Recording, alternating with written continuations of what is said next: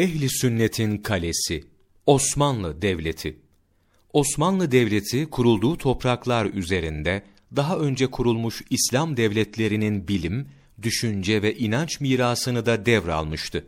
Selçukluların İslam dünyasındaki üstünlükleri, ehli sünnet olarak bilinen sünniliği savunarak dönemlerinde İbni Kemal'in yaptığı gibi batıniliğe ve diğer akımlara karşı direnç göstermeleridir. Özellikle Nizamiye medreseleriyle ehli sünnetin diğer mezhepler ve akımlar karşısında hakimiyetini sağlamışlardır.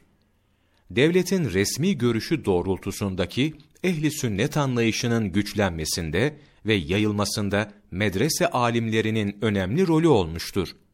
Bu husus Osmanlılar dönemi yönetim ulema ilişkisinin hangi gelenekten alındığını ve uygulandığını göstermesi bakımından dikkat çekicidir. Selçuklularda ehli sünnet anlayış Nizamül Mülk ve Gazali tarafından temsil edilmiştir.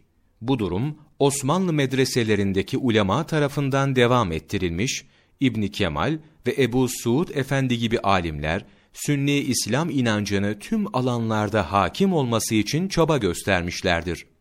İlk Müslüman Türk devleti olan Karahanlılar Hanefi mezhebini benimsemiş, daha sonra Selçuklularda Hanefi mezhebinin görüşleri uygulanmıştır. Yavuz Sultan Selim, Mısır'ı fethettikten sonra adalet işlerini düzene koyarken, mahkemelerde dört mezhebe mensup kadıların görev almasını emretmiştir. İran'da 15. yüzyıllarda Hurufilerin sıkı bir takibata uğrayarak Anadolu'ya akın etmeleri ve 16. yüzyılda devam eden Safevi propagandası Osmanlılarda iki büyük dini dalgalanma ortaya çıkarmıştır. Bu sebeple ehli sünnet inancının sapkın akımlara karşı devletin öncülük ettiği kampanya ulemayı koyu bir savunma psikolojisine sokmuştur.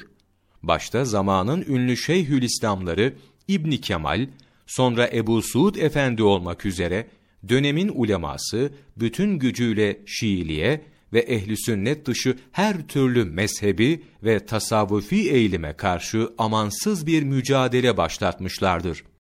Ali Öğe Şeyhülislam İbni Kemal ve Sünnilik anlayışı sayfa 323 29 Mart Mevlana takvimi